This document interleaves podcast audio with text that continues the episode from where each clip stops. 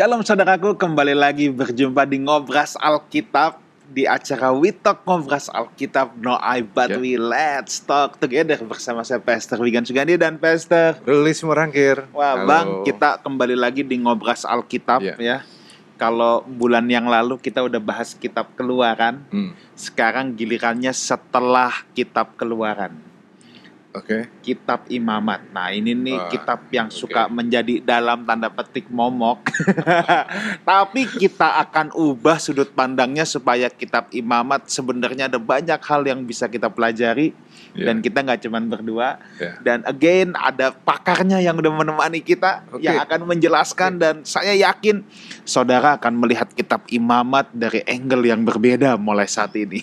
so pastikan jangan ke mana-mana dan kita welcome dulu Ibu Rita Wahyu. Thank you so much Bu udah Selamat kembali malam, lagi Mas sama-sama kita. Welcome. Apa kabar? Iya, thank you so much Bu. Nah, saudaraku, sebelum kita akan masuk, saya mau menyapa dulu di mana pun saudara berada. Selamat menyaksikan, selamat belajar. Saya percaya ketekunan kita akan membuahkan hasil. Oke Bang, tanpa panjang lebar karena waktu kita terbatas Ya. ya. Kita mau tanya-tanya Ibu Rita nih. Ya. Tapi saya mau bilang dulu gini. Saudara, kita kan lagi program baca Alkitab bersama ya. Kita memang sudah melewati kitab eh, Pentatyuk, kitab dari kejadian sampai ulangan ya. Kita sudah lewati itu. Tapi dalam pembahasan ngobras, pokoknya satu bulan pasti ada satu kitab yang kita bahas ya. Dan kita sudah sampai pada kitab imamat. Kita udah bahas kejadian, kita udah bahas keluaran, sekarang kita mau ngobrolin kitab imamat. Nah, ada banyak orang yang bilang sama saya, Pastor, aduh, baca kejadian sih masih seru, urutan ceritanya jelas, keluaran juga seru, gitu imamat. Ampun, Pastor, saya celeng. gitu ya. Gitu masuk kitab imamat. Ini apa? Ini aduh, korban persembahan sana sini. Nah, kebanyakan orang pusing di situs Ya. satu, dua, pas ngeliat isinya, ini apa relevansinya sama hari ini ya? Apa kita masih melakukan ini kan enggak? Terus terus mau ngapain gua baca ya itu kan gitu ya. Nah, jadi banyak orang yang kemudian stuck ketika bertemu dengan kitab imamat ini. Nah, tetapi sebenarnya kitab imamat ini menyimpan rahasia yang begitu hebat yang kita bahas ya sampai namanya aja imamat itu pasti ada tujuan. Oke. Nanti juga kita bahas apakah sekarang masih ada keimamatan seperti yang ada di kitab imamat. Oke. Nah, ini kan juga kita perlu mempersoalkan. Oke, kita langsung nih mau tanya-tanya sama Ibu Rita. Bu, kitab imamat ini bagi sebagian besar Mhm. jemaat Kristen, Ya. orang Kristen menganggap ini sebagai salah satu kitab yang paling maaf membosankan, Yes. paling berat untuk dibaca. Mhm. Orang bingung ini apa? Kok Tuhan mintanya yang aneh-aneh? Gitu kan ya. Ini kok Tuhan mintanya yang aneh-aneh. Terus apa sih relevansinya buat kita hari ini? Nah, kita mau coba urai pelan-pelan sehingga eh, teman-teman yang menyaksikan ini akan akan apa punya sudut pandang yang beda. Ternyata ada banyak hal menarik loh Tentu dari saja. kitab Imamat. Nah, Mhm. mungkin Ibu Rita bisa kasih previewnya dulu tentang Oke. kitab Imamat ini. Saya mulai bicara dari judul kitabnya dulu. Iya, siap. Imamat Leviticus. Nah. Nah, kata Leviticus itu dari terjemahan bahasa Yunani Septuaginta. Mm-mm. Tapi bagaimana orang Ibrani menyebut kitab ini? Kitab ini disebut dengan Vayikra dan dia memanggil. Memanggil jadi apa? Memanggil jadi imam. Hmm. yang artinya seperti yang ditulis oleh Rasul Petrus dalam 1 Petrus 2 ayat 9 pasal 3. 1 Petrus 2 ayat yang ke-9 ya. Tetapi kamulah bangsa yang terpilih, imamat yang rajani, bangsa yang kudus, umat kepunyaan Allah sendiri, supaya kamu memberitakan perbuatan-perbuatan yang besar dari Dia, yang telah memanggil kamu keluar dari kegelapan kepada terangnya yang ajaib. Ada kata imam, ada kata memanggil. Ada. Ini mengakomodasi dua nama tadi. Nama dalam bahasa Yunani Septuaginta, Leviticus, Mm-mm. keimamatan, keimamatan orang Lewi, Iya. Dan kemudian orang Ibrani menunjuk, menyebutnya dengan Vayikra dan dia memanggil. Ternyata diakomodasi dua-duanya oleh Rasul Petrus Mm-mm. kamu bangsa yang terpilih, imamat yang rajani, bangsa yang kudus, umat kepunyaan Allah. Untuk melakukan perbuatan besar dari dia yang telah memanggil kamu Fajikra. Oke. Hmm. Ada imam dan ada panggilan. Dan kelihatannya kitab ini membosankan dan memang ini berhubungan dengan liturgi. Hmm. Gereja yang penuh dengan liturgi yang sudah diketik, tinggal kita baca, kan memang juga sepertinya membosankan. Tapi di situ sebenarnya ada didikan dari Tuhan untuk berlaku hidup kudus, Mm-mm. berlaku tertib dan kalau misalnya di kitab Keluaran itu Tuhan memerincikan betul-betul bagaimana cara membangun kemah suci. Ya. Nah, di kitab Imamat itu bagaimana membangun orang-orang yang melayani di kitab suci. Ya di di eh, kemah suci. Nah, jadi di sini memang isinya itu seperti juklak, petunjuk pelaksanaan. Iya, gitu. juklak betul. Juklak. Juklak pada saat itu ya. Juklak Ju- juknis lagi. Iya. Iya kan? Iya. Lebih detail lagi. Nah, jadi hal ini kayaknya memang sepertinya membosankan, tapi Hmm. kita melihat sesuatu yang besar dari Iya. sini. Dan di mana Tuhan Yesus pun juga pernah mengutip kitab dari imamat menjadi salah satu dari hukumnya.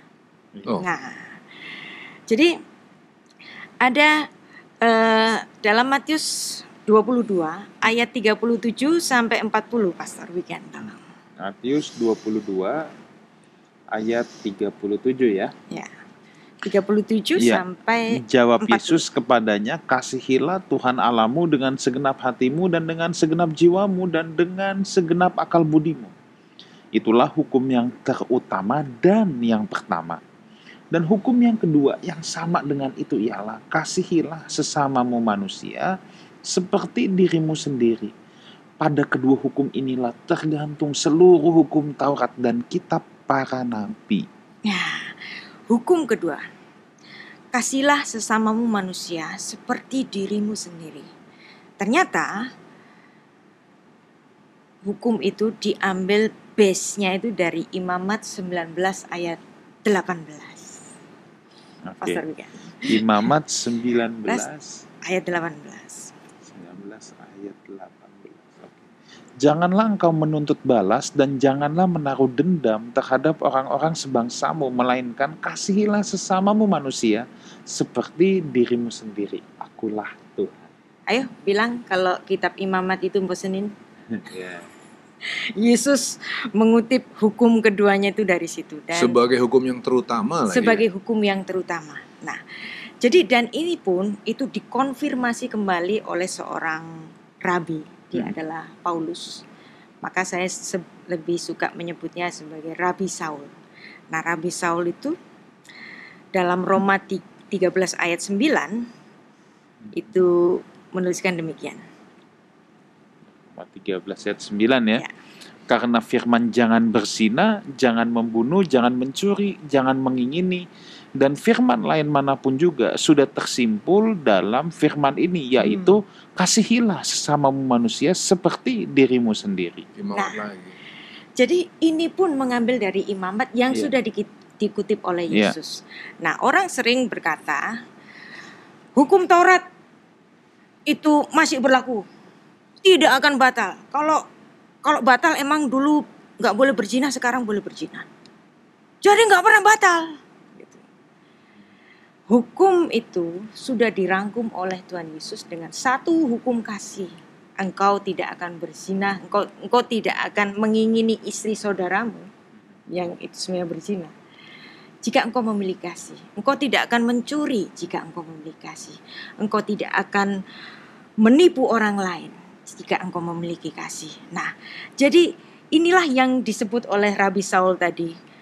Firman lain mana pun juga sudah tersimpul dalam firman ini.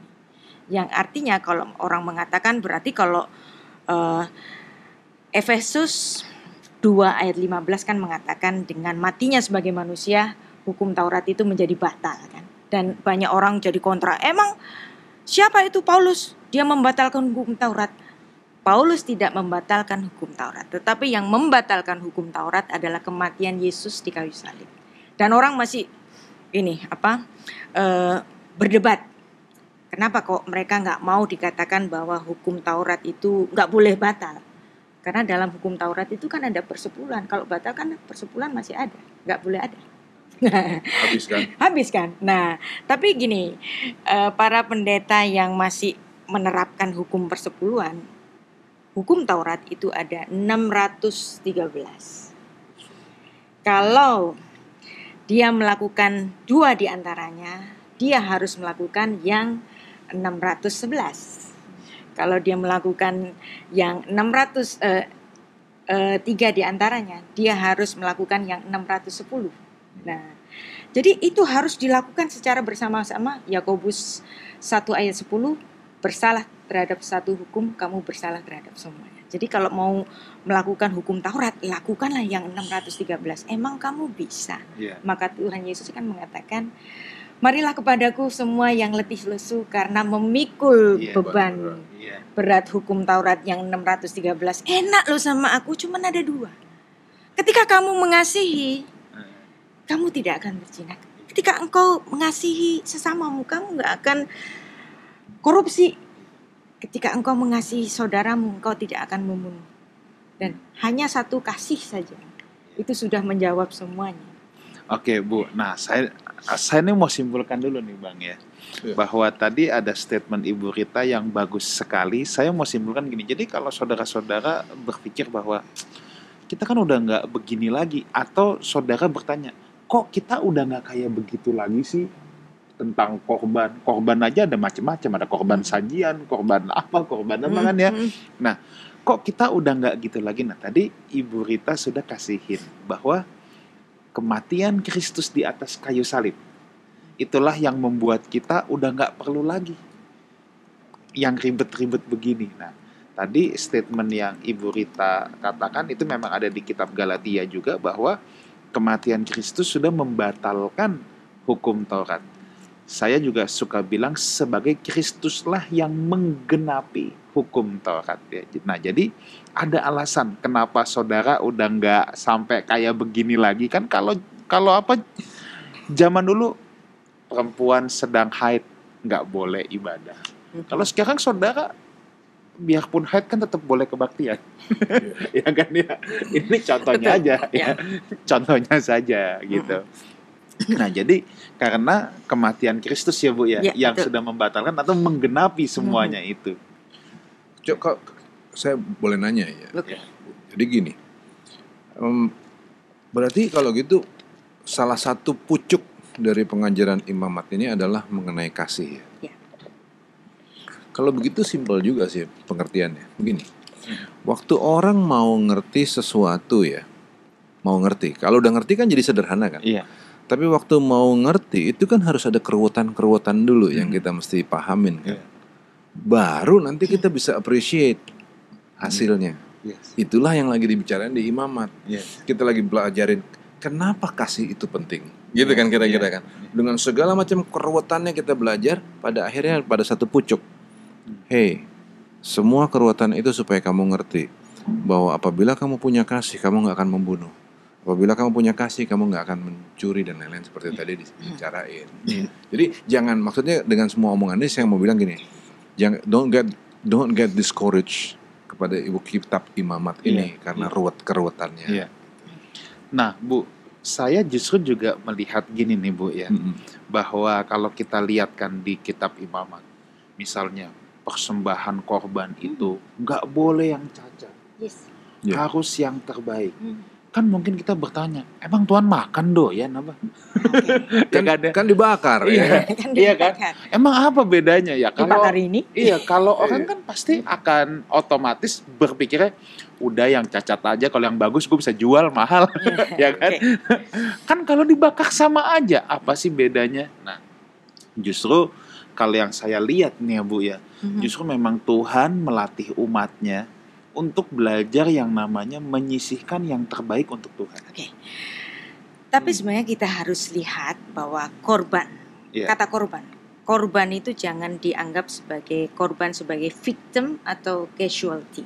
Iya. Nah, korban itu dalam ha- untuk bahasa sekarang maknanya kan korban banjir, Mm-mm. Iya. korban kecelakaan, Iya. korban perkosaan, Victim ya. korban perasaan. Iya. Konteksnya victim. Tapi kita harus melihat konteks asli dari korban itu. Kata korban itu berasal dari kata karaf. Karam, Hmm. iya. ya. Nah, kemudian kata ada akhiran n, korban n, nah itu artinya plural. Berarti sesuatu yang dilakukan berulang-ulang-ulang-ulang sampai nanti betul-betul digenapi oleh Yesus Kristus. Nah, kenapa korban itu tidak boleh bercacat? Nah, kita lihat dari awalnya dahulu. Bahwa kejadian 2 ayat 17. Semua pohon di taman ini boleh kamu makan, tapi pohon yang di tengah-tengah itu, pohon pengetahuan yang baik dan jahat, jangan kau makan buahnya. Pada saat engkau memakannya, pastilah engkau mati. Iya. Yang artinya, pada saat engkau melanggar, pasti engkau mati. Yang artinya juga, pada saat engkau berdosa, pastilah engkau mati. Nah, hukum ini dikutip oleh Rabi Saul dalam Perjanjian Baru, Roma 6 ayat 23, upah dosa adalah mati. Nah, jadi di sini ada ketentuan dari Tuhan, kalau kamu berdosa, kamu mati. Tapi apakah Adam waktu berbuat dosa, dia mati? Ternyata dia nggak mati. Nah, kenapa dia nggak mati? Karena di Taman Eden itu ada kematian tukar guling yang pertama dan itu harus dan itu menjadi eh, satu basic dari ibadah sakramental dari orang-orang Israel. Basicnya itu dari situ. Jadi nggak mungkin ada pada mulai zamannya Musa, tapi justru sejak di Taman Eden. Awalnya selalu di Eden. Ya, karena itu adalah cikal bakal dari segala sesuatu. Nah, korban berasal dari kata karaf, mendekat.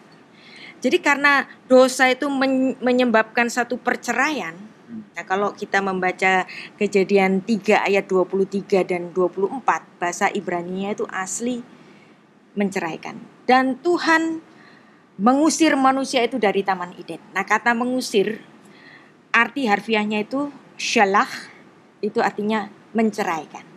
Nah, dari kata syalah muncul kata talak bahasa bahasa Arab seperti yarah menjadi Taurat. Eh, awalan T itu eh, nomina. Jadi bercerai, manusia itu bercerai dengan Tuhan gara-gara manusia yang berdosa. Tuhan nggak ingin bercerai. Tuhan yang berinisiatif supaya manusia itu dapat rujuk dengan dirinya. Dengan harga apa? Harga mendekatnya itu apa? Upah dosa adalah mati, mati dibayar mati. Nah, ini balik lagi ke kita membahas mengenai eh, Adam yang adalah seorang filsuf yang pertama. Adam diciptakan dalam gambar dan rupa Tuhan.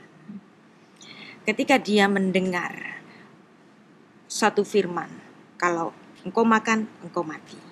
Tapi pada saat Adam makan, apa yang dikatakan oleh Tuhan? Kejadian 3 ayat 15. Aku akan mengadakan permusuhan antara engkau dan perempuan ini. Antara keturunannya dan keturunan. Antara keturunanmu dan keturunannya. Keturunannya akan meremukkan kepalamu dan engkau akan meremukkan tumitnya. Dan itu didengar Adam. Hah? Bagaimana mungkin? Di hari aku mati, Tuhan bicara mengenai keturunan. Satu. Ya. Dan yang kedua, Adam yang berdosa. Harusnya dia dikutuk. Tapi Tuhan tidak mengutuk Adam. Tapi dia mengutuk Adam. Jadi unsur manusia itu kan kejadian 2 ayat 7. Kejadian 2 ayat 7 itu manusia diciptakan dalam dua unsur. Yang pertama unsur fana Ya. dari Adama. Ya. Kemudian ada unsur kekal, nishmat haim. Roh yang diembuskan oleh Tuhan. Nah, jadi unsur tanah ini itulah yang dikutuk oleh Tuhan. Makanya Adam bisa sakit, bisa tua dan akhirnya mati. Dan manusia pun pada akhirnya juga semuanya sakit, tua, mati. Sakit, tua, mati. Kenapa? Unsur diri manusia yang dari tanah ini dikutuk oleh Tuhan. Arura ha Adamah kejadian 3 ayat 17. Nah itu Adam juga mikir lagi. Aku yang dosa, tanah yang dikutuk. Gitu kan. Nah dia berpikir makanya kemudian dia memberi nama istrinya dengan Hawa karena harapan kehidupan itu dia dapatkan dari istrinya. Nah dia menamakan itu Tuhan melihat respon dari Adam. Oh Adam mengimani bahwa ada harapan kehidupan dari istrinya. Nah kemudian barulah Tuhan melakukan suatu tindakan visual yang luar biasa pertama kali dilakukan sebagai pemberesan dosa. Upah dosa adalah mati. Mati dibayar mati. Tuhan memberikan satu alegori yang pertama. Ada oknum yang nggak berdosa dibunuh oleh Tuhan. Binatang yang tidak berdosa dibunuh oleh Tuhan. Kulitnya diambil untuk menutupi kemaluan dari Adam. Nah, itu merupakan suatu tindakan visual yang pertama. Dan ini adalah kematian tukar guling yang pertama. Adam yang seharusnya mati hari itu masih diberikan kesempatan supaya dia dapat bertobat. Dengan pertobatannya itu dosanya dapat diampuni dengan apa? Harga mendekat. Hmm. Jadi eh, harga mendekatnya itu apa? Kematian dari binatang itu tadi. Nah tapi kematian binatang itu kan nggak equal dengan kesalahan Adam. Wong yang salah itu Adam. Nah, jadi ini adalah satu solusi yang diberikan oleh Tuhan yang pertama kali bahwa nanti akan ada anak domba yang dari darinya itu mengganti kematian Adam supaya Adam ini kamu jangan mati secara kekal. Maka kemudian Adam itu dibuang pergi dari Taman Eden supaya apa?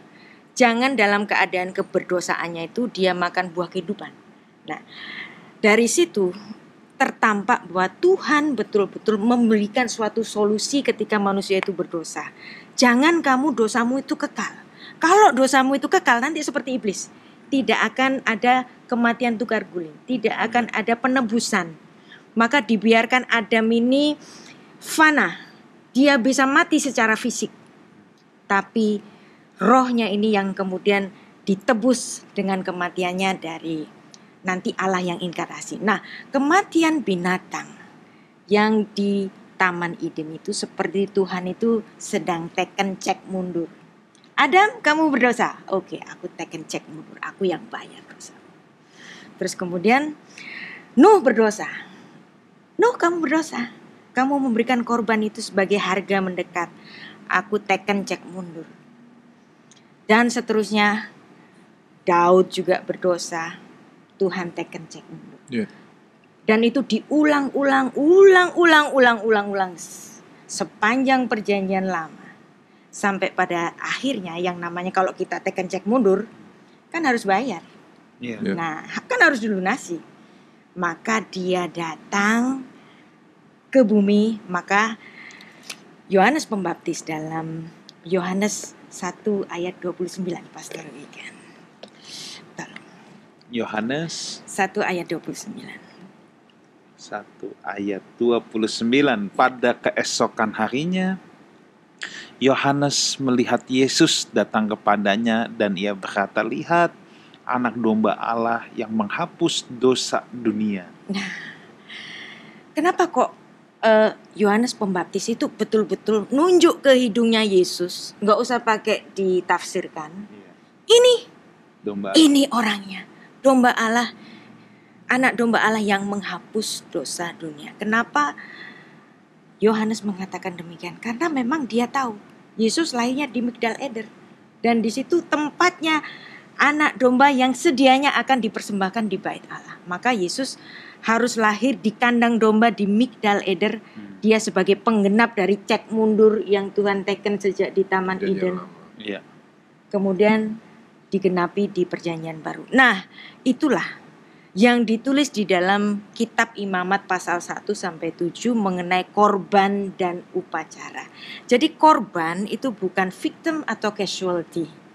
Korban adalah harga mendekat. Manusia tidak akan dapat mendekat kepada Tuhan dengan amal ibadahnya. Kalau dia puasa nanti dapat pahala sekian. Kalau dia ke tanah suci nanti dia dapat pahala, dapat sekian. dari semua perbuatan baik, manusia berusaha untuk mencapai surga. Iya. Tetapi di dalam kekristenan itu bukan bukan tentang sistemnya amal ibadah, tapi kekristenan itu adalah agama sakramental, yang di mana ada sacrifice, ada korban untuk membayar dan membeli harga ke surga itu. Jadi eh, kalau manusia dalam amal ibadahnya itu mencoba mencapai surga, nah kekristenan kita itu adalah ibadah yang anugerah, ya, yang di mana upaya surga mencapai manusia. Yes. Dan itu semuanya dilakukan dengan darah dan mengenai darah nanti kita bisa perincikan dan itu nanti ada konklusinya di perjanjian baru. Ada luar biasa sekali. Jadi yang tadi pertama kita sudah belajar bahwa di kitab Imamat ini ada tentang mengasihi sesama manusia. Kasih kedua. Hal yang kedua, Yesuslah anak domba Allah yang tidak bercacat, tidak tidak apa bercela itu. Jadi ya, kenapa tidak bercacat? Karena Yesus memang tidak bercacat dan tidak bercela. Yes. Ya. Ya.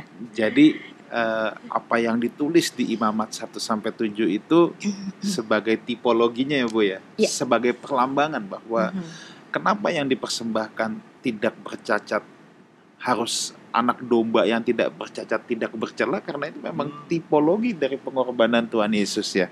Apa sih artinya tipologi Pastor Wigan? Lambang. Lambang, lambang, lambang. Oh. Iya. Jadi yang menarik salah satu hal yang menarik di dalam Alkitab itu Mm. Kita tahu bahwa pada suatu saat nanti akan ada satu juru selamat. Kan itu kita tahu ya. Hmm. Tapi jangan lupa bahwa juru selamat itu harus memenuhi ciri-ciri tertentu yang ditulis dengan sangat detail. Kisah-kisah atau bagian-bagian kisah atau aturan-aturan di dalam perjanjian lama itu sering ada yang adalah disebut dengan tipologi. Antitype-nya Yesus Kristus. Tipologi artinya suatu rancangan, suatu nubuat gitu itu kita sering dengar kata itu. Nubuat tentang datangnya Mesias. Nah, tipologi selalu punya antitipe. Antitipe tuh selalu adalah Yesus Kristus. Penggenapan. ya. Penggenapan, Yes, penggenapan bahasanya gitu. itu. Nah, sekarang di dalam cerita imamat yang tadi kita pikir sebagai suatu keruwetan, bayangin pasal 1 sampai pasal 7 keruwet semua kita nggak ngerti. Ternyata itu adalah suatu tipologi tentang siapa atau kualitas apa yang harus membayar harga perjumpaan itu, harga Rujuk. rujuknya. Nah, kemudian harga rujuk itu nanti digenapi oleh Tuhan Yesus. Mhm. Jadi nggak sembarangan nih nanti. Iya. Maka keberadaan Tuhan Yesus dengan segala kesempurnaannya itu memang udah diomongin di perjanjian lama dan kemudian dipenuhi di dalam perjanjian baru. Maka kita akan bilang gini, terima kasih Tuhan, luar biasa. Gitu maksudnya. Kenapa Tuhan tidak berkenan dengan persembahan kain? Perkenan, oh, Ya. ya kain. Bukan soal harga, Ya. bukan soal mutu, Ya. Mm-mm. tetapi karena persembahan kain tidak mengandung darah. Mm. Nah, upah dosa adalah mati, mati harus dibayar dengan mati. Nah, kenapa kok Habel bisa memberikan korban yang betul-betul sempurna dari anak domba yang tambun dan kemudian bersih, sempurna, tidak bercacat? Nah, itu adalah hal yang diajarkan oleh bapaknya. Dia tidak mengubah itu. Kain mencoba memodifikasi itu. Dan Tuhan tidak berkenan dengan modifikasi itu. Tuhan meminta darah, bukan karena Tuhan haus darah, Iya. tetapi darah itu sebagai lambang dari nyawa itu. Nah, kalau kita lihat korban, korban bakaran dalam Imamat pasal 1 mengandung darah. Korban keselamatan pasti mengandung darah. Korban penghapusan dosa pada Imamat pasal 4 mengandung darah. Korban bakaran Imamat pasal 6 mengandung darah. Ya. Korban penghapus dosa Imamat pasal 6 juga mengandung darah. Penebus salah pasal 7 mengandung darah. Korban keselamatan mengandung darah pasal 7. Oleh sebab itu dalam kitab Ibrani yang namanya juga kitab Ibrani. Berarti kitab yang ditulis untuk orang-orang Ibrani. Mm. Yang artinya ini memberikan satu message. Hai orang-orang Ibrani, kamu sudah belajar tentang im- kitab Imamat tentang macam-macam ketentuan dari korban. Iya. Maka dalam Ibrani 9 ayat 22 itu adalah konklusi dari kitab Imamat. Pastor Wigan. Apa Ibrani? Ibrani pasal 9 ayat yang ke-22. Oke, dan ham dan hampir segala sesuatu disucikan menurut hukum Taurat dengan darah. Hmm. Dan tanpa penumpahan darah tidak ada pengampunan ya. Ya. Ini konklusi ya dari Ya, kitab ini adalah konklusi. Jadi kalau misalnya korban-korban yang lain itu hanya korban syukur saja. Tetapi kalau korban pengampunan dosa, korban kesalahan itu harus mengandung darah. Tanpa penumpahan darah tidak ada pengampunan dosa. Maka ketika Tuhan Yesus mengatakan bahwa Mesias itu harus menderita dan mati, Hmm. Petrus kan jauhlah itu daripadamu. Iya. Lalu Tuhan Yesus menghadik Nyah. Si. Petrus apa? Nyala iblis. Iya. Kamu mau ngerayu gue lagi. Hmm. Aku harus mati berdarah. Dengan cara itu aku bisa menebus dosa Iya. dari orang-orang yang Nah, Bu. berdosa ini. Kenapa harus darah? Sebab nih ada yang bertanya nih Bu. Mm-mm. Pernah ada yang bertanya bukan? gini, ini kok kayak vampir sih? Kok haus kayak darah haus gitu? darah, ya. Nah, Iya. ini sebenarnya berasal dari teologi yang berasal dari Eropa abad ke-16 yang di mana mereka mengatakan bahwa korban itu diberikan untuk memuaskan murka dari Allah. Ah. Oke. Tapi kalau kita melihat betul-betul dengan arif dan bijaksana pelan-pelan. Iya. Coba kita baca kejadian pasal 3 yang di mana menjadi suatu eh, Ini menarik ini. Iya. dasar dari korban ini kan. Iya. Hmm. Tiga ayat berapa? Pernahkah Oke. Allah itu murka? Yang ada Tuhan bertanya, Adam di mana? Hmm. Adam ayeka. Emangnya Tuhan nggak tahu Adam lagi sembunyi? Iya. Iya. Adam tahu. Tuhan eh, eh, Tuhan tahu Adam sedang sembunyi. Tapi kenapa? Tuhan bertanya, Adam di manakah? Nah ini kan seperti Tuhan sedang menangis. Jadi Tuhan itu sebenarnya romantik banget. Tuhan nggak murka. Kalau teologi Barat mengatakan Tuhan itu rage, rage itu kan marah tidak terkendali, yang sehingga harus marahnya di- itu dipuaskan Dengan, dengan darah. darah. Nah itu kan ada teori pemuasan Iya. institu institusio bab yang ke-11 Iya. teori pemuasan. Saya sangat menolak teori itu Oke. karena itu tidak berbasic pada awal dari kejadian dosa dan pengampunannya.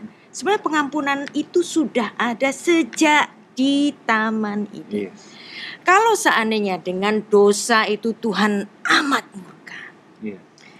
Mungkinkah Tuhan itu memberikan solusinya dengan melakukan tukar guling kematian yang pertama yang saya alegorikan tadi sebagai tekan cek mundur. Iya. Tuhan tekan cek mundur, Tuhan cek tek- tekan cek mundur. Nah, yang artinya ketika manusia ini berdosa, Tuhan itu berteriak, Adam, di manakah? Tuhan menangis. Dan saat itu pula dia memberikan satu solusinya dan Adam diusir. Nah ini lagi-lagi menurut Murka teologi, lagi tuh ya, ngomongnya. ya, teologi Barat mengatakan, lo kok diusir? Murka. Murka itu artinya Tuhan. Padahal itu bukan murka. Kenapa Adam harus diusir dari Taman Eden? Karena jangan dalam keadaan berdosanya. Adam itu makan buah kehidupan. Maka dosanya menjadi kekal. Kalau dosanya menjadi kekal seperti iblis nggak ada pengampunan. Yang artinya di sini, even pengusirannya pun itu bukan berasal dari kemurkaannya, tapi justru karena kasihnya. Tuhan masih save apa? Save sesuatu unsur yang kekal dari dirinya, nishmat haim, nafas kehidupan, roh yang ada di dalam manusia itu itulah yang sedang diselamatkan oleh Tuhan. Hmm. Maka Raja Sa- Raja Salomo kan mengatakan, debu kembali ke- menjadi ke debu, Ya. eh, kembali menjadi debu. Roh kembali kepada yang mengaruniakannya. Kenapa Salomo begitu yakin bahwa roh itu kembali kepada yang mengaruniakannya?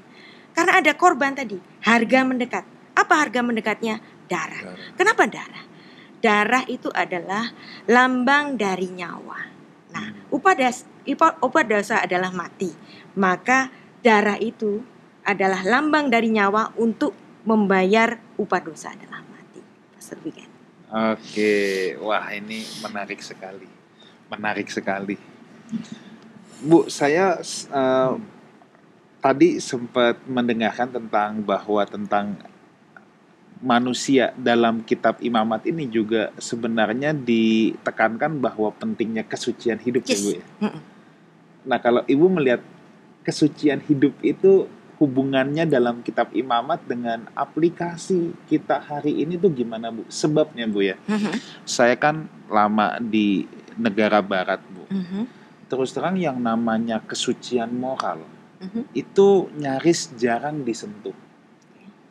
Karena ya mungkin takut menyinggung atau apa dan sekarang ini adanya fenomena bahwa udah deh khotbah khotbah aja tapi jangan jangan apa menyinggung yang namanya kekudusan khususnya yang bertalian dengan moralitas.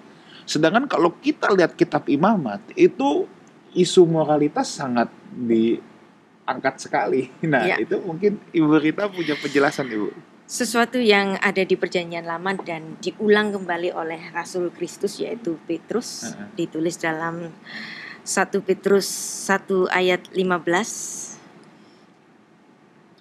Dan 16. 1 ayat 15 dan 16. Tetapi hendaklah kamu menjadi kudus di dalam seluruh hidupmu sama seperti dia yang kudus yang telah memanggil kamu sebab ada tertulis kuduslah kamu sebab aku kudus. Nah, jadi memang eh, kekudusan kita supaya untuk menjadi saksi bagi orang-orang yang belum mengenal Kristus Hmm. bahwa kita itu hidup di dalam suatu tatanan yang memberikan kenikmatan hidup. Apa istilahnya, Pastor Ruli? Kesedapan hidup. Kesedapan hidup. Kesedapan Nah, hidup. kenapa ada hukum? Iya. Hukum itu untuk kesedapan hidup. Nah, dan ini diatur betul-betul dalam Imamat pasal 17 sampai 24 termasuk eh, kekudusan tentang pernikahan, kekudusan tentang makanan. Kita bisa bayangkan dalam Imamat pasal 11 itu diperinci binatang-binatang yang low kosher. Kenapa kok low kosher? Biasanya binatang-binatang yang dianggap sebagai low kosher itu adalah binatang-binatang yang omnivora, pemakan segala, Hmm. dan karnivora. Karena apa? Karena mereka memakan daging dan itu tidak baik untuk tubuh manusia. Jadi itu low kosher. Sebenarnya kalau di dalam Alkitab, sebenarnya eh, istilah haram dan halal itu nggak ada. Tapi kosher, low kosher. Patut dan tidak patut. Karena kalau di kitab imamat ini, orang yang misalnya melanggar hukum sabat, dia bisa dihukum mati menurut hukum Taurat.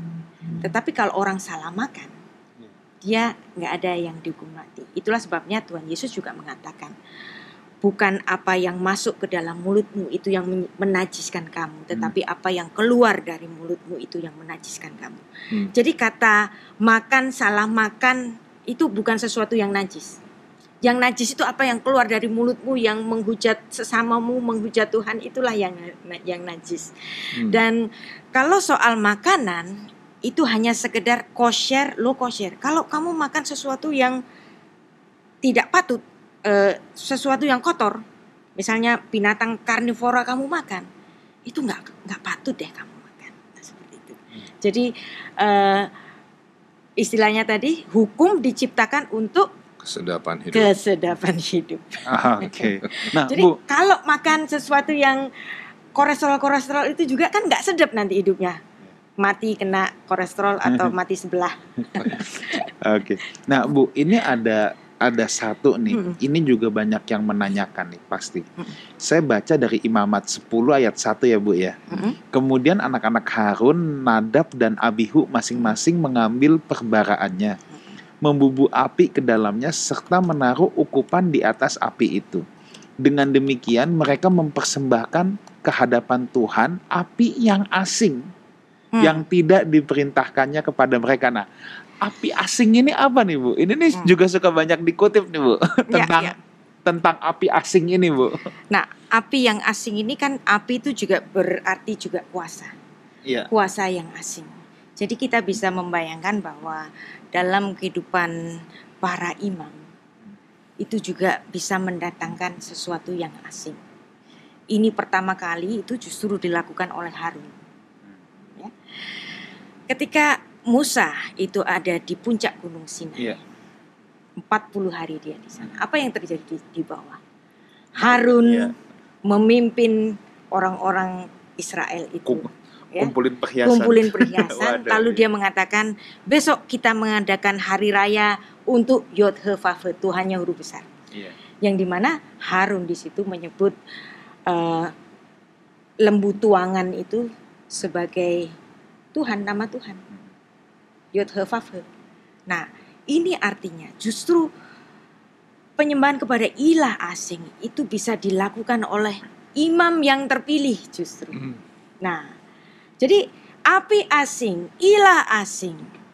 Kadang-kadang bukan orang pagan yang mengadakannya, tetapi justru iman yang di dalam itu sendiri. Pastor. Hmm. Oke, waduh, menarik sekali.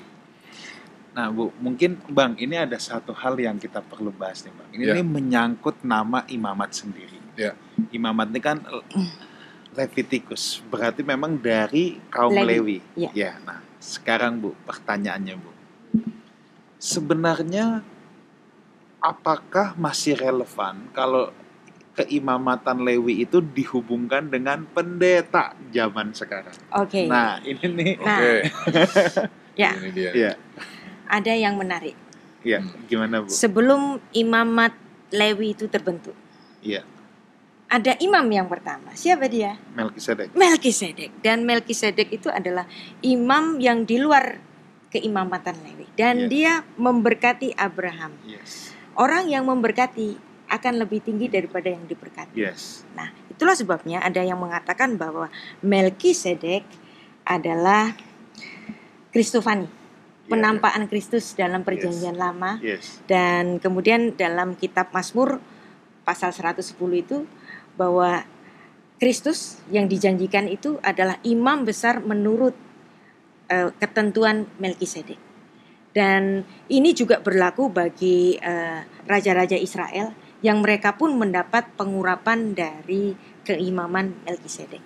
Yang artinya kalau hukum Taurat itu sudah selesai, keimamatan kita seperti yang sudah kita baca tadi dalam kitab 1 Petrus tadi yang mengatakan bahwa eh, kamulah bangsa yang terpilih, imamat rajawi, bangsa yang kudus, umat Yes. kepunyaan Allah. Yang di mana eh, kita adalah semua adalah golongan imam. Yang artinya kalau eh, pendeta itu dianggap sebagai imam karena memang dia melakukan pekerjaan imam. Kita boleh menyatakan bahwa eh, imam hal yang dilakukan oleh pendeta itu adalah pekerjaan imamat dan imamat perjanjian baru itu kepada murid-murid Kristus dan kita semua adalah orang-orang eh, imam. Dan eh, untuk perjanjian lama mengenai ketentuan para imam ini ada ya sesuatu yang menarik. Ya. Imam perjanjian lama itu hanya diberikan kepada laki-laki. Iya. Ada sebagian gereja yang memberikan tugas keimamatan itu ju- juga kepada perempuan. Nah, Iya. walaupun saya seorang perempuan, tapi saya nggak setuju bahwa keimamatan itu diberikan kepada perempuan. Nah, Elizabeth, istri dari Zakaria, dia masuk pada golongan imam. Tetapi Elizabeth nggak akan pernah jadi imam. Nah, Hana, Hana yang menggendong Yesus, Hmm. bayi Yesus itu, dia bukan imam, tapi dia boleh mengajar di bait Allah. Yang artinya perempuan boleh mengajar, Hmm. perempuan boleh mengajar, tapi perempuan tidak pernah jadi imam. Karena imam itu laki-laki. Karena seperti juga eh, ini adalah satu lambang pernyataan dari kerajaan Allah yang bukan demokrasi. Kerajaan Allah bukan demokrasi yang pemimpinnya bisa berganti-ganti. Bapa di surga dulu sekarang dan selama-lamanya tetap menjadi raja semesta. Ditampakkan di bumi juga imam yang dipilih oleh Tuhan itu adalah imam laki-laki. Tuhan Yesus memilih 12 muridnya laki-laki. Terus kemudian Tuhan memilih 70 muridnya laki-laki. Kenapa laki-laki? Dan kemudian eh, pada abad sekitar abad ke-20 mulai ada gerakan feminisme gimana kalau imam itu perempuan. Nah, Oke Bu, berarti saya dia nggak belajar Alkitab ini. Oke Bu, saya ini mau potong bentar. Ini oke. menarik juga. gue juga mau nanya jadi. Iya. Tadi Ibu kan katakan. Iya. wanita boleh mengajak tapi jangan melakukan tugas keimamatan. Nah, Yes. sekarang saya mau tarik ke konteks zaman sekarang. Apa yang Ibu maksud dengan tugas keimamatan itu? Tugas keimamatan itu adalah menikahkan orang, Oke. memberikan berkat akhir pada ibadah, Memimpin. membaptis. Oke. Nah, itu adalah tugas imam. Nah, Hmm. kalau mengajar, Iya. Hana boleh mengajar di bait Allah. Tapi Hana tidak pernah melakukan pekerjaan imam karena imam selalu laki-laki. Dan para fem- feminis marah sama saya. Nggak bisa. Keadilan itu harus sama rata. Keadilan nggak pernah sama rata. Keadilan itu adalah keadilan yang proporsional. Kalau saya punya dua burger, saya berikan kepada anak yang umur 3 tahun dan kepada anak umur 17 tahun sama-sama satu burger. Iya. Apakah sama rata itu adil? Nggak adil. Satu burger ke, buat anak umur 3 tahun mungkin kebanyakan. Satu burger buat anak umur 17 tahun kurang. Maka keadilan itu harus proporsional. Sehingga kalau eh, emansipasi, Iya. kesetaraan gender itu bukan berarti sama rata. Kalau eh, imam laki-laki maka perempuan harus juga jadi imam. Nggak begitu. Karena kerajaan Allah itu bukan demokrasi. Dan demikian juga tatanan sekuler pun nggak usah pakai Alkitab. Yang namanya kepala keluarga selalu bapak. Karena bapak itu adalah lambang dari keimamatan. Tidak akan berubah, tidak akan berubah jadi jadi imamnya imamnya berubah menjadi istri gara-gara istri gajinya 10 kali lipat lebih daripada suaminya. Enggak. Tetap suami adalah kepala keluarga seperti yang ditulis oleh Rasul Paulus bahwa istri tunduklah pada suamimu dan suami mengasihi istri seperti Kristus mengasihi jemaat, jemaat kepalanya adalah Kristus dan itulah tatanan yang ada dan seharusnya ini nggak usah di- diubah. Kalau ada gerakan feminisme yang sebenarnya baru bermula pada abad ke-20 feminisme feminisme teologis. Kalau feminisme secara sekuler itu abad ke-18 yang dimulai dari seorang yang bernama Rosemary Luther di Amerika. Rosemary Luther tidak pernah membaca Alkitab kita secara benar. Karena misalnya dalam kitab Hakim-Hakim ada seorang hakim yang menjadi Deborah. ya Ya. yang menjadi pemimpin bagi Yes. Israel, dia adalah Deborah. Ya. Tapi penulisan nama Deborah selalu diiringi dengan Deborah, istri Lapidot. Kalau dia di rumah, dia istri Lapidot. Kalau dia menjadi hakim, dia adalah ibu bagi bangsa Israel. Itulah sebabnya, ya. Amerika selalu menyuarakan teologi feminisme, kesetaraan gender. Tapi Anda lihat, sampai hari ini Amerika nggak pernah punya presiden perempuan. Kita punya. Megawati, ya kan? Nah, eh, sekarang Amerika punya, tapi masih vice president Iya. Kamala Harris. Tapi Israel, ya, dia adalah bangsa yang mengikuti tatanan patriarki dari Alkitab kita. Hmm. Israel pada tahun 1967 ada seorang perdana menteri yang namanya Golda Meir. Kenapa? Kok membolehkan perempuan memimpin negara? Ini berkaca dari Deborah. Jadi Amerika walaupun menyuarakan feminisme, feminisme, feminisme, mana presiden perempuanmu? Nggak pernah ada. Ya. Hmm. Justru Indonesia, justru Israel ada pemimpin perempuan untuk negara. Jadi harus proporsional. Iya. gitu. Sebagai pemimpin oke, tapi tidak melaksanakan kerjaan imam itu yang Ya. Burita bicara. Tadi Oh, apa yang oke. abang mau tanyakan? Sama, persis sama pertanyaannya, Oh, persis oke. sama. Oke, nah Bu, saya nih Oke. masih mau mempertajam tentang Hmm. ini jadi apa Apakah tepat jadi kalau pengandaian pendeta zaman sekarang itu disejajarkan dengan Lewi. Lewi Hmm. pada zaman Daud? Kalau dia mau disejajarkan dengan Lewi, betul-betul disejar, disejajarkan dengan Lewi, maka dia harus mengikuti hukum Taurat 613. Mau nggak ya? Jangan yang enak-enak doang. kan ada 613. Ya. Dan itu harus secara sempurna semuanya dilakukan. Siapa yang larang untuk menerapkan hukum Taurat ke dalam jemaat, tapi nggak boleh dipilih-pilih. Bersalah kepada satu, bersalah kepada semuanya. Maka mau pilih yang mana? Efesus 2 ayat 15 yang dengan kematian Kristus Taurat itu batal atau tetap melakukan Taurat tapi harus 613. Jangan cuman bicara aku ini Lewi. Ya. Tapi hukum yang 112 nggak dilaksanakan Yes. Sama juga bohong. Kalau kamu mau menerapkan Taurat 613. Kalau tidak menerapkan Taurat, ya Efesus 2 ayat 15. Hmm. Maka Bu kalau kalau apa saya secara pribadi Ya. se- selalu saya bilang ke jemaat pendeta itu pelatih.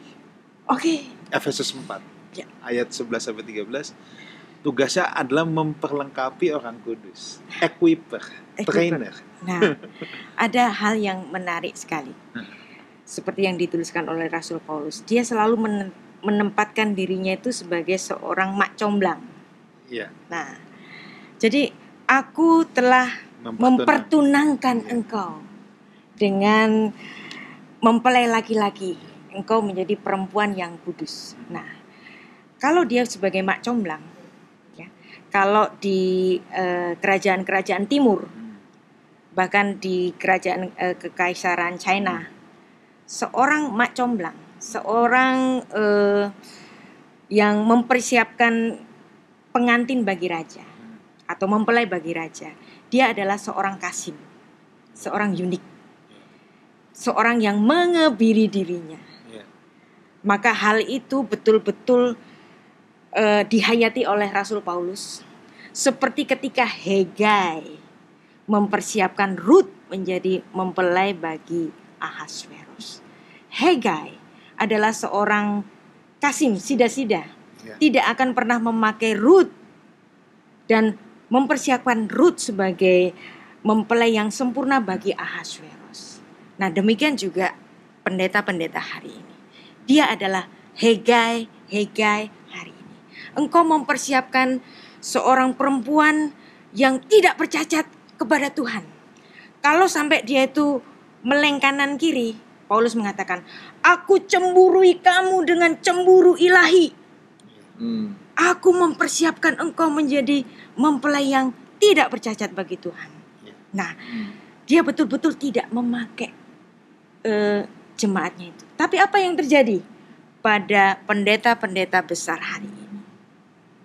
Ketika dia gerejanya besar, Hmm. ketika khotbahnya indah dan semua orang, oh pastor gitu. Dan apalagi dia bisa melakukan mujizat, dia bisa bernubuat, terus kemudian dia dikultuskan. Ketika dia dikultuskan, dia menikmati eh, pujian-pujian itu. Bahkan dia memakai mempelai perempuan yang harus dia persembahkan kepada Tuhan, dia pakai untuk mempersembahkan mereka kepada dirinya sendiri. Nah, ketika itu terjadi, Anda tahu?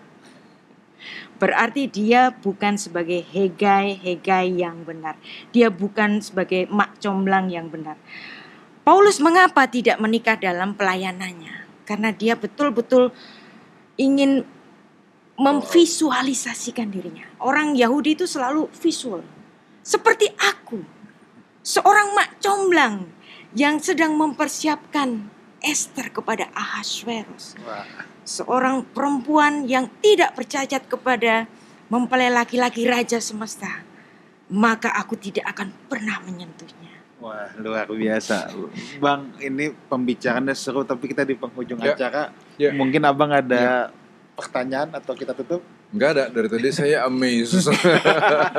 Oke, Bu, jadi saya simpulkan di pertanyaan yang terakhir yang ada zaman sekarang adalah menjalankan fungsi keimamatan ya, Yes. tapi bukan jabatannya seperti Imam Lewi Betul. pada masa itu. Oke baik, Bu, thank you so much Ibu Rita buat ngobras kitab imamat. Saya percaya eh, teman-teman di rumah, saudara-saudara semua akan melihat kitab imamat dari point of view yang berbeda nih.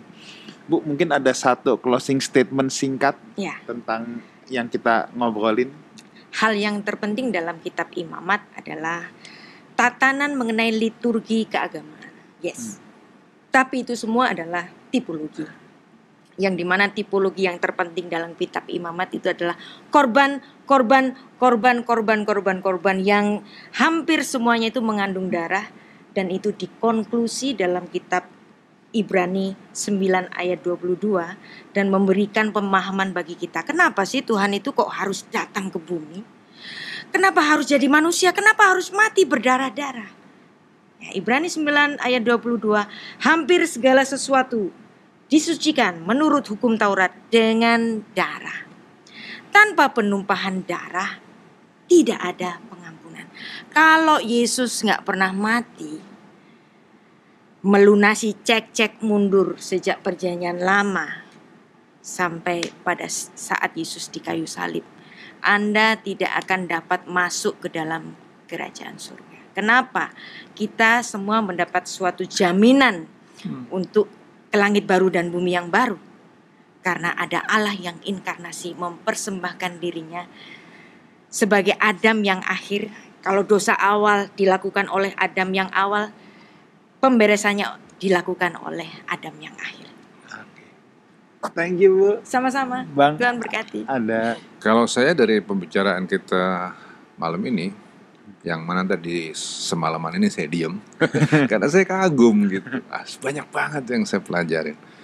Tapi dari pembicaraan sepanjang satu jam ini, ada satu menarik dan saya pengen tanemin di dalam pemikiran Bapak Ibu semua.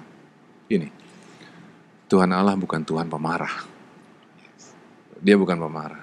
Dia bahkan sejak awal di kejadian tiga pun ketika manusia berdosa dan seharusnya Tuhan ngamuk, Tuhan gak ngamuk. Nanti kita lihat di kejadian 6, Tuhan bilang tidak selamanya rohku akan bersama-sama dengan manusia. Tapi kemudian dia membangun perdamaian lewat pelangi. Jadi konsisten sekali Tuhan nunjukin dirinya bahwa dia bukanlah Tuhan pemarah. Kenapa ini penting? Karena begini, kalau kita pikir bahwa Tuhan pemarah, pemarah, maka kita akan gagal membangun hubungan. Padahal tujuan seluruh kitab ini ditulis adalah bagaimana caranya supaya kita berhasil membangun hubungan dengan Allah. Nggak ada hubungan yang bisa didapat dari rasa takut. Nggak mungkin ada. Datanglah kepada Tuhan bukan karena takut dihukum, tapi karena ingin membangun hubungan bersama dengan dia. very short.